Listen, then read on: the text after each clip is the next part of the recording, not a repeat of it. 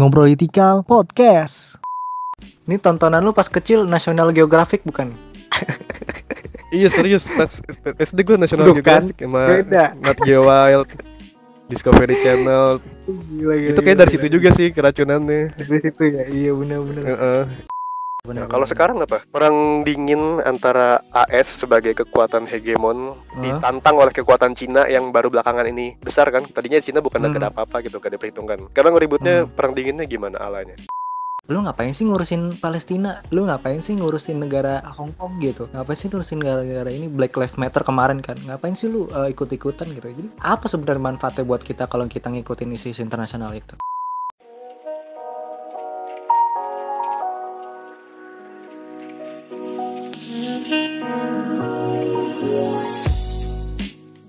Halo semua, kembali lagi di Ngobrol Tikal Season 2 Kali ini gue bakal tanya-tanya nih ke temen gue tentang pengalaman dia dan juga eh, kita ngulik-ngulik lah tentang apa yang dia suka karena kita ada di konten ngulik nih.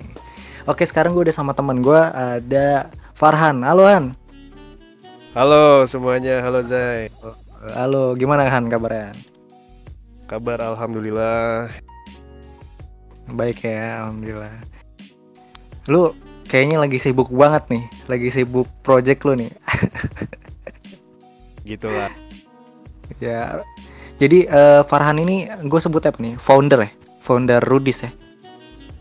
Gue termasuk di lingkaran founder sih bisa dibilang. Oke, founder Rudis. Jadi teman-teman Rudis ini me- eh, media ya, media bisa gue sebut media online kah? Media apa ya karena kita startup masih mulanya di online tapi ya bisa dibilang dia yang fokusnya Hmm, oke. Istilahnya em, eh, yang konten lah ya, konten-konten di Rudis itu Iya. eh, ya yang nampilin soal isu-isu internasional nih. Yes internasional. Nah, nanti Betul. bisa dilihat deh tuh di Instagram Rudis di ru.dis. Nanti langsung diklik aja. Itu keren-keren tuh isinya. Jadi eh, karena kita udah ada Farhan di sini, seseorang yang eh, yang berkuliah di hubungan internasional, angkatan pertama Universitas Pertamina. Uh, Pertamina. angkatan pertama nih. Ini ini kalau misalkan eh, reunian nih paling tua nih. ah gak ada senior gak usah kan? ditakutin paling songong Iya, iya. Angkatan pertama ya yang Iya, mengawali eh, Universitas Betul. Pertamina. Oke, karena Farhan ini kan eh, kayaknya gue lihat dengan projectnya dia di Rudis, kemudian eh, dia tuh kayaknya aktif banget gitu ya eh, soal konferensi dan eh, hal-hal berbau berbau isu-isu internasional. Kita bakal tanya-tanya ke Farhan soal kenapa sih isu-isu internasional tuh penting tuh bagi kita. Gitu. Kita pengen tahu tuh seberapa penting sih buat eh, kita sebagai individu gitu. Tapi gue mau tanya, Han, lu sejak kapan nih tertarik dengan hubungan internasional ini, Han? Jadi sejak kapan gue main tertarik hubungan internasional ya mungkin Hmm? bisa bisa dibilang sejak SD kali ya bahkan. Tapi bukan berarti gue bukan berarti gue sejak SD tahu wah eh, jurusan HI gue tertarik nggak? Oh iya jadi ya pasti awalnya kan kayak gue tuh waktu kecil suka buka apa namanya RPUL Oke. suka buka atlas yang gede-gede tuh suka lihat global ada Hmm, oke. ini ya basicnya suka dulu dengan di luar Indonesia tuh ada apa dulu sih mungkin kalau bisa gue bilang Oh, sejak kapan awalnya tuh ya gue bakal bilang sejak itu tapi kalau dilihat dari ilmunya ya hmm. sejak kita kebuka lah SMP SMA kan diajarin negaraan disinggung tentang HI kan Oh iya. beberapa benar, benar. bab gitu nah itu Hmm. itu kalau berdasarkan ilmunya tapi kalau ter kecil suka nonton berita juga Oh. kenapa sih begini di luar negeri Oke oke oke. Berarti kalau ketertarikan lu dengan dunia internasional gitu ya, dengan dengan dengan Iya. eh, dunia di luar Indonesia tuh memang sejak kecil gitu ya. iya gue juga suka belajar bahasa juga sih sama budaya Oh iya iya iya. iya. Mantep mantep juga lu. SD-nya udah buka-buka gituan ya. Gitu Kita lah. SD biasanya main, masih main gundu ya Allah. Gundu juga main gua. Kemunduran ya. Oh lu main. main semua main tapi pas malamnya gue ngulik-ngulik ilmu-ilmu yang ya. Ini tontonan lu pas kecil National Geographic bukan? Iya serius pas SD gue National Tuh kan, Geographic sama beda. Nat Geo Wild Discovery Channel Gila, gila, itu kayak gila, dari gila. situ juga sih keracunannya Dari situ ya, iya benar-benar. Heeh. Soalnya yang gue temuin orang-orang yang masa kecilnya nonton yang kayak gitu-gituan tuh, yang TV kabel Hmm, beda TV kabel kesukaannya iya. Iya Sama iya iya. biasanya nontonnya apa tuh waktu kecil ya? Eh, hari Minggu doang dah tuh yang kartun- sinetron. Iya sinetron gara-gara iya, mak iya. kita Sama itu ik- palingan. ya. ikut ikut emak ya kan. Iya ikut emak. Ya Wah, itulah. Beda sih. Jadi promosi Tapi- di TV kabel. Oh, Iya, iya, Jay. mantap mantap mau pantes. Oke. Tapi terus lu kapan tuh? Kayaknya gue waktu SMA ya. Entah gua kurang kenal lo atau gimana nih. Kayaknya gue belum belum ngelihat eh, kayaknya minat lu di bidang eh, hubungan internasional. Jadi sejak kapan lu mulai memutuskan untuk mengambil hubungan internasional sebagai studi lu? Ya emang sejak SMA sih gue emang gue cukup freestyle sih milih jurusan tuh gue kayak let it go aja gue nanti kayak Hmm. deket-deket mau lulus gue baru mikir mau milih jurusan apa gue sih Hmm. gitu orangnya bukan kayak orang oke, ambis sejak SMP SM, kuliah mana. Ya emang mengikuti cara seperti itu ya gue ketemu apa jadi anu itu dan itu berjalan baik aja dengan gue gue gue passion gue suka kan. Oh, jadi gitu. Sebenarnya di SMA gue juga ya kalau bisa dibilang tadi tuh yang pas udah mulai diajarin soal PKN yang sama guru kita itu soal yang mana nih? siapa sih yang kacamata tuh? Pa- lupa gue Oh, Pamijo, Pamijo. Mijo Pak Mijo. Iya iya bener. Oh, PKN. Iya, di PKN Kan dia- IPS. dia nyinggung itu Tet. iya. Oh, lu dari situ. Oke, oke. Iya, kalau bisa dibilang sih gue awalnya nih ya, kalau boleh cerita dikit ya, nambah panjang podcast Ah, nggak dikit. apa-apa, nggak apa-apa. Hmm? Jadi gue kelas 3 kita kan udah mulai lah ya, anak kelas 3 SMA tuh mikir dulu kuliah mana nih ntar nih. Kuliah Iya, mana iya, jurusan iya. mana nih. Nah, itu gue mikirnya Hmm. awalnya gue nggak pernah mikir HI itu. Gue walaupun gue bilang gue SD SMP seneng dengan juga tapi pas SMA Hmm. gue pas mikir mau kuliah mana gak kepikiran HI. Gue pertama kepikiran kriminologi. Wih. UI itu kan Berat. gue terus sama yang keduanya FSRD seni rupa desain di ITB gue pengen banget. Wah.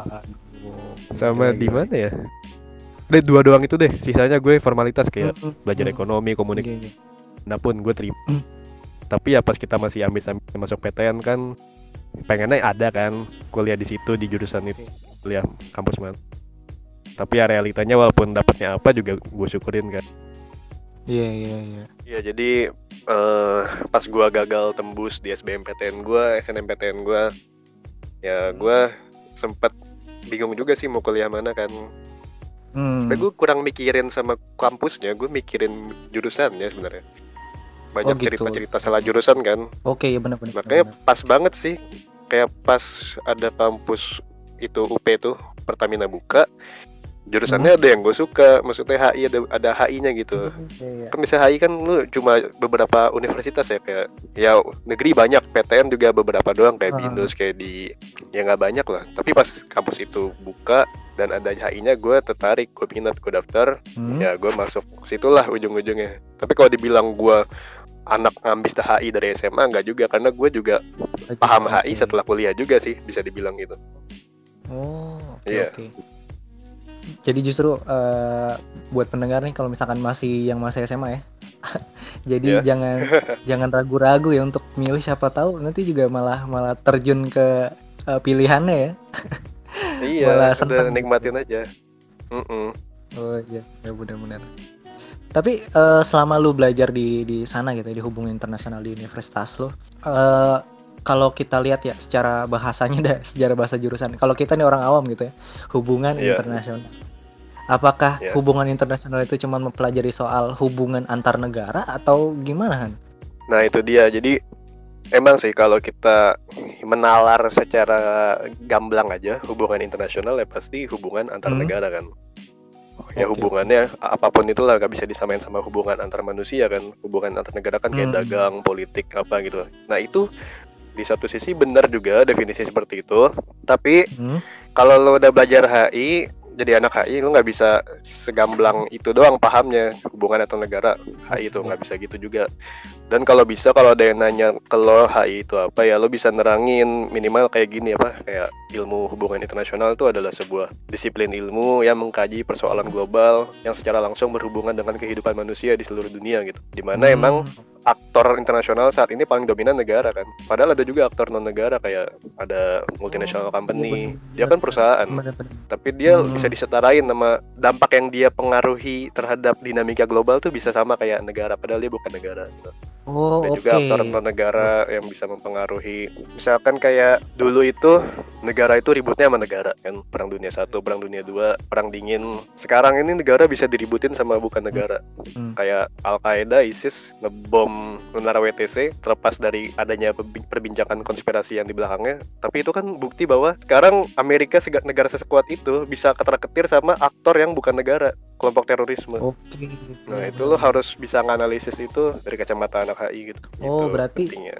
bukan soal bukan soal negara dan negara tapi juga Iya, dengan uh, suatu uh, objek atau objek istilahnya hal-hal yang bisa Iya. mempengaruhi dunia gitu ya mem- mempengaruhi Yes. uh, global gitu perusahaan gitu-gitu ya pokoknya objek termasuk tren juga nggak tren apa nih misalnya nih? misalkan tren yang sekarang nih kan tren uh, fashion atau Mm-mm. soal budaya gitu budaya K-pop gitu itu termasuk nggak Oh iya, kalian oh iya itu. Nah itu dia hebatnya tuh gini. Jadi karena ilmu HI itu selalu berkembang, meluas Hmm. dan mendalam. Jadi Oke. tuh gini ya kayak ilmu HI yang anak sekarang pelajari nih kayak anak sekarang gue Mhm. pelajari itu kebanyakan ditulis oleh orang-orang yang menulis ilmu ini yang lahirnya di zaman perang di otak dia tuh masih ingatannya kental memori perang dunia satu perang dunia dua Oh, perang dingin ya kan orang-orang tahun 60 50-an gitu. Nah, itu Ah. gue pelajari bukunya sekarang. Oke. Padahal di masa sekarang nih sebagai anak Hmm. yang lahirnya 90 ke atas pasca perang dingin Hmm. usai, gue udah gak relate tuh di otak gue sama negara perang, negara aliansi Oh, perang iya. sama negara aliansi lain. Hmm. Sekarang ilmu HI yang gue pelajari tuh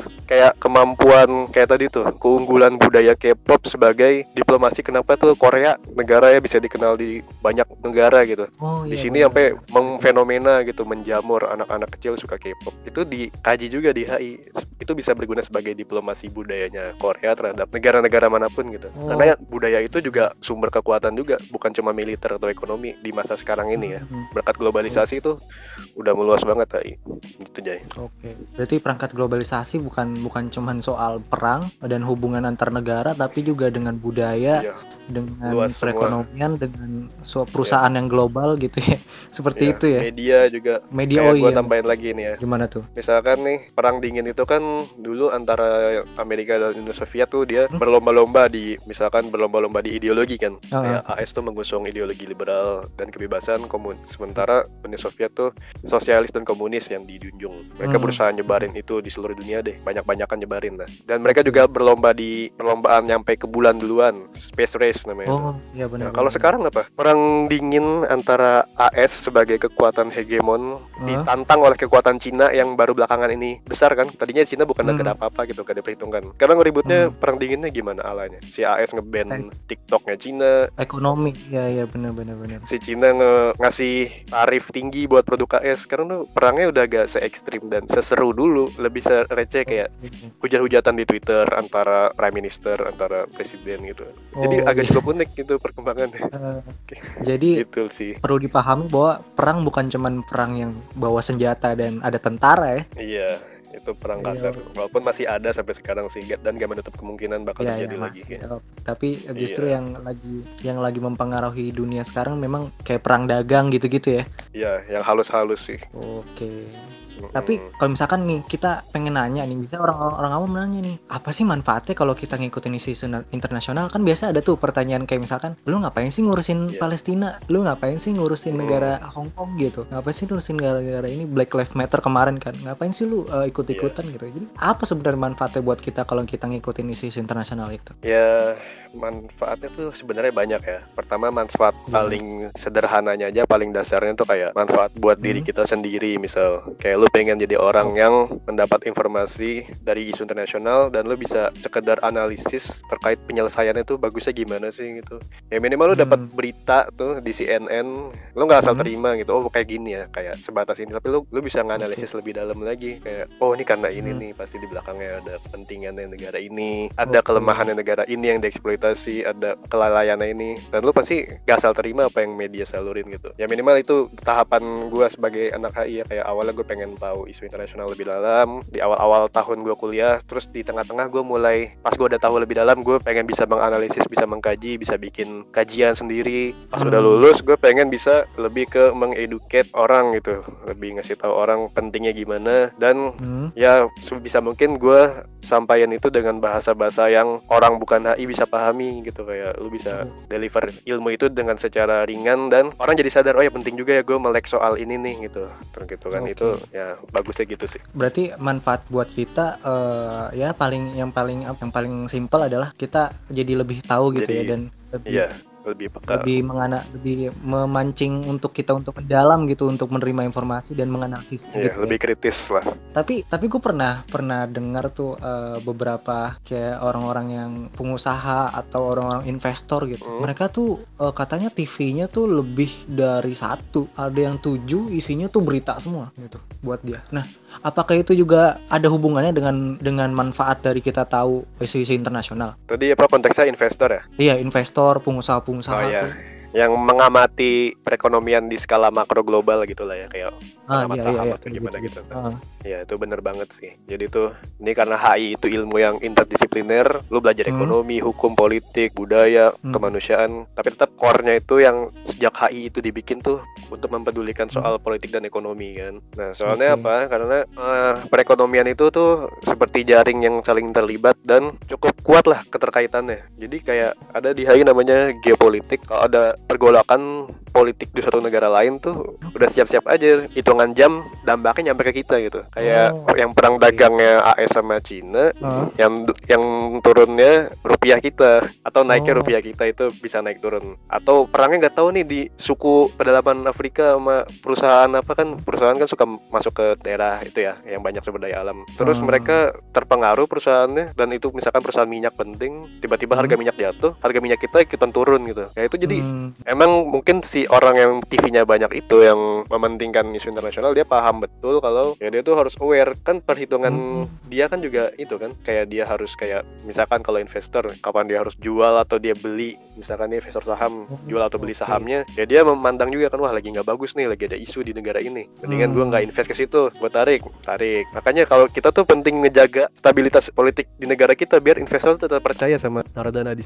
Oke, bisa dibilang juga nggak sih eh, kalau kita misalkan eh, tahu gitu, tahu tentang isu dan ngikutin isu-isu internasional tuh, bakal kita bakal banyak dapat keuntungan dari pertama kita bisa siap-siap kalau misalkan ada krisis atau ada ketidakstabilan, bisa seperti itu nggak sih? Oh ya jelas jelas jelas Hmm. bisa ya. Jadi misalkan kayak gua ambil contoh apa ya? Kalau misalkan bicara krisis nih, kalau di Amerika itu Wall Street udah ngumumin krisis, itu Ah. indeks saham dia, ya siap-siap aja nyampe Ah. Indonesia hitungan jam. Karena dia kan paling berpengaruh kan. Terus juga kalau selain ekonomi nih, tadi kita kan bicara ekonomi terus. Misalkan Ah, Eh, misalkan nih gue nggak eh kemarin nih dan misalkan nih gue ambil contoh yang kemarin itu sempat tahun 2017 bulan Desember tuh Amerika lewat PBB juga bawa-bawa PBB dia mengakui Hah? Yerusalem sebagai ibu kota Israel oh iya, gitu kan Hmm, itu dia dia ngebahasnya mengakui secara individu kan antara Amerika sendiri ngakuin Israel hmm, hmm. eh ngakuin Iya, ibu benar. kotanya Israel itu bukan Tel Aviv tapi Yerusalem nah itu tuh sampai mana-mana ya ribut kan negara-negara yang pro Palestina Hmm. ribut di sini juga kita demo-demo kedutaan iya benar benar benar benar. Ya udah gitu, padahal dia mengakui sendiri, bukannya dia ngesahin harus eh, Yerusalem jadi ibu, tapi karena dia negara yang kuat dan cukup ber apa pun yang dia lakukan tuh ke bawah-bawah pikiran sama Oke, jadi oh eh, sebegitunya lah eh, bagaimana eh, masalah-masalah internasional ternyata turut mempengaruhi kita ya. Tapi kalau misalkan ditanya nih Han biasa ada nih individu-individu yang memang tidak yakin gitu bahwa berita-berita internasional atau kejadian-kejadian di dunia lain, di dunia lain, sorry, di belahan negara lain gitu bisa Iya. mempengaruhi kita sebagai individu. Jadi sebenarnya sejauh Mm. apa sih keadaan di luar negeri dapat mempengaruhi kita sebagai individu? Apakah lu harus negeri yang eh, tetangga kita atau negeri yang berpengaruh di kita ambruk baru kita merasakan eh, dampak negatif ke individu kita sendiri atau gimana? Oke, jadi misalkan gua ambil perumpamaan ya. Hmm, Misalkan kita di negara kita ini kan banyak suku pedalaman yang pengetahuan politiknya itu cuma sebatas tertingginya itu adalah kepala sukunya dia. Oke. gitu. Misalnya kepala keluarganya, misalkan gue anak dari kepala keluarga itu dan itu yang harus gue patuhi itu kepala keluarga gue Hmm. dan kepala suku. Nah dia nggak tahu tuh di atasnya ada ada kepala daerah, misalkan wali kota, ada Hmm. gubernur, ada presiden. Bahkan banyak di Papua kata dosen gue yang dari kepala suku itu hubungannya langsung ke presiden karena dia strukturnya nggak lengkap kayak di sini gitu. Oh, ya gitu iya. kira-kira. Nah, jadi kalau kita refleksiin lagi ke kita nih, anak-anak yang di Indonesia misalkan, kalau lu Hmm. cuma pahamnya tertinggi lo ada adalah presiden, nah itu lo Hmm. sama seperti mereka yang baru pahamnya tertinggi itu ada kepala suku, padahal di atasnya ada lagi kan. Nah, sama seperti Oke. ketika lo paham di atas presiden itu, misalkan, oh sorry sorry, di nasional itu batasnya ada lingkup yang lebih besar lagi yang punya pengaruh ke batas nasional Oke. yang lo pahami saat ini gitu. Oke, Jadi lu belum oke. cukup sebenarnya belajar cuma gue paham banget nih soal politik domestik nih. Gue paham banget deh Hmm. pokoknya. Pasti lo pasti bingung kenapa kenapa sih di negara kita kejadian begini. Padahal ketika lo Oh, lacak, iya. oh penyebabnya ada di jauh di sana gitu, di laut sana. Daratnya gitu. Kenapa sih kita susah nyari kerja gitu? Ternyata itu ada hubungannya Eh. dengan keadaan di dunia luar sana ya. Oh ya banyak. eh. bahkan yang kelihatan juga banyak mungkin efeknya. Oh iya iya iya. iya. Jadi seperti itulah ya. Kan kadang nih kita mikirnya eh, soal keuntungan kita sendiri biasanya gitu kan. Kayak tadi kan gue Biasanya. bilang, ya ngapain sih ngurusin Palestina, ngapain sih ngurusin Amerika segala macam. Toh juga nggak Iya. mempengaruhi kehidupan kita, ya kan? Heeh. Padahal, pa- iya, tapi lu setuju nggak? Padahal sebenarnya eh, itu juga terkait dengan kita, misalkan ketika kita nyari kerja susah, dan ternyata itu berhubungan sama investor, investor di negara kita, dan itu berhubungan dengan negara lain, perekonomian negara lain, dan jadi eh, kita mengalami eh, krisis. Kayak gitu nggak sih pengaruhnya? Bisa sih. Jadi kayak Hmm. misalkan kita studi kasusnya soal susah nyari kerja di sini. Nah, itu kan Hmm. banyak banget faktor ya. Pertama harus bedain dulu Iya. faktor domestiknya apa, faktor Oke. luar negerinya apa. Nah, faktor domestiknya Hmm. misalkan kayak kita kupas nih, kita udah tahu lah misalkan lapangan kerja di sini emang sempit. Misal, terus Hmm. kebanyakan tenaga kerja tenaga kerjanya angkatan kerjanya lebih kebanyakan daripada lapangan kerja. Itu kan faktor domestik ya. Hmm. Faktor internasionalnya kan Iya, juga bener-bener. kayak ya itu tadi kayak ada yang perusahaan yang narik perusahaannya buat tutup jadi pabrik di sini misalkan pabrik mobil Hmm. tutup PHK lagi lapangan kerja rebutan lagi terus ada Iya. apalagi kebijakan negara mana nggak boleh pekerjain negara pekerjaan orang Indonesia misalkan kita lagi nah Hmm. lagi nah gitu kalau orang nggak paham itu ya dia bisa marah-marah doang kenapa saya belum dapat kerja gitu kira-kira gitu Apalagi kalau misalkan ada ada kebijakan dari yang negara yang investor invest di kita itu pekerjaannya harus dari negara mereka ya. itu kan mempengaruhi kita juga. wah itu gue kayaknya ada tapi gue baru denger tuh kayak kurang ajar juga deh ya, ya, kalau misalkan tapi ya. kalau misalkan ada perjanjian seperti itu misalkan. Nah Iya itulah kan? pentingnya tahu Tapi eh, tadi diskusinya sangat sangat menarik sih Yan, sama lu. Sebenarnya masih banyak yang pengen gue tanya terutama soal keadaan-keadaan eh, eh, isu-isu interna- internasional sekarang nih. Jadi gue berharap aja. bisa ini waktunya kayaknya terlalu sem- sempit lah ya. Oh, udah ya. udah udah mungkin oke, ini oke. kita jadi ada ada konten ada konten selanjutnya nih Han yang lebih mendalam Oh, yang gitu. bisa iya yang ngebahas soal eh, spesifik isunya. Oh boleh boleh. Kita ada namanya kontennya kisut komentarin isu dunia. Kisut komentarin isi dunia kisut Iya, jadi kita emang rencana gitu. Kalau di ngulik nih hal-hal yang mendasar yang kira-kira eh, Oh, Oke oke. Iya orang yang mendasar yang apa sih eh, pentingnya ini gitu apa sih kenapa sih lu suka ini Yes. gitu itu itu ngulik gitu Oh itu ngulik oke oke. ya kalau misalkan kita bahas topik-topik yang lebih misalkan masalah Lebanon wah kita di kisut aja kita bahasnya gitu Oh gitu ya ya mantap mantap. tapi setelah tadi diskusi kita lu ada pesan nggak ya untuk pendengar yang mungkin eh, belum sempat disampaikan mungkin Ya mungkin dari gua sikat aja ya kayak bukan terbatas untuk anak HI doang tapi anak non HI Hmm. juga minimal harus sadar Hmm. juga kalau ya di era global saat ini tuh ya udah cukup banyak alasan lah untuk kita kenapa sih kita harus mulai belajar tentang studi hubungan internasionalnya gitu tentang isu internasionalnya Hmm. gitu karena yang dikaji tuh banyak fenomena global yang tentu aja berguna dan berdampak bagi kehidupan manusia kehidupan gua kehidupan lu gitu kan nah sebagai penduduk dunia tuh kita harus kita harus peka terhadap perkembangan kita perlu wawasan yang lebih luas terutama tentang interaksi yang di luar batas nasional kita yaitu di Hmm. level dunia gitu nah Hmm. karena wawasan yang bersifat global itu bakal berguna buat lu menghadapi adanya fenomena fenomena internasional yang pasti bakal terus muncul tuh dan bakal berevolusi terus bakal aneh-aneh deh mungkin gitu kan. Terus juga nih misalkan kajian HI itu kan karena bersifat kompleks dan dinamis. Hmm. Jadi ilmu ini tuh bakal terus berkembang dan semakin luas. Jadi lu nggak bisa berhenti belajar, lu harus terus belajar kalau saran dari gue. Terus juga karena hal yang dikaji dalam HI itu bukan lagi tentang terbatas pada masalah politik internasional tapi juga pada ekonomi, Hmm. hukum, budaya, kemanusiaan, sosial, media dan yang Hmm. lainnya. Jadi itu ya ilmu-ilmu HI itu sebenarnya juga perlu mengkaji ilmu sosial lain dan Oke. cukup banyak kolaborasi lah dengan ilmu-ilmu lain supaya kita lebih siap dan tanggap terhadap fenomena global yang kompleks tersebut gitu udah. Kira-kira Hmm. begitu dari gua.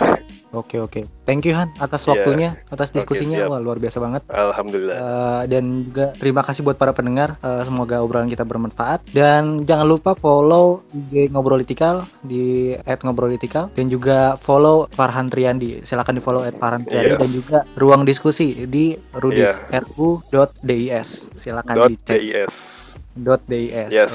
Oke. Terima kasih Jay.